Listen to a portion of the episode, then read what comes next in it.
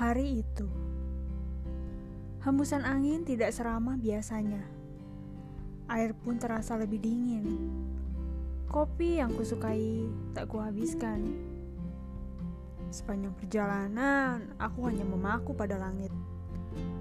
Mereka kelabu. Semesta sedang mengerjaiku, pikirku. Burung-burung pun tidak terlihat.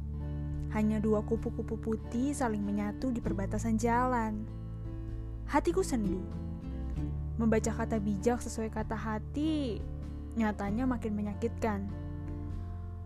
Aku penasaran, seperti apa rupaku pagi ini. Kuabadikan beberapa raut wajah ini ke dalam ponsel. Hasilnya sangat berbeda. Mata ini sangat tidak ramah. Tatapannya lurus tajam kepada siapa pun yang melihatnya. Senyumnya sinis, seperti ingin menantang lawan. Garis wajahnya cukup kuat. Kuputuskan untuk mengunggah potret diriku tersebut. Lagi-lagi, aku memutuskan untuk menghentikan sendu dan lebih bersyukur. Tapi menjelang siang, masalah muncul satu persatu. Masalah yang tidak akan pernah selesai dalam semalam. Masalah yang mengingatkanku akan trauma masa lalu.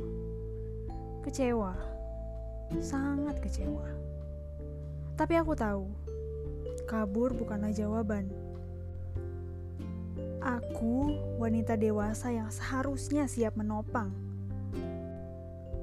Tapi hati ini terlalu sedih. Tak terasa air mata pun tumpah di hadapan bintang paling terang di langit pada malam itu. Hanya satu doa yang kupanjatkan pada malam itu.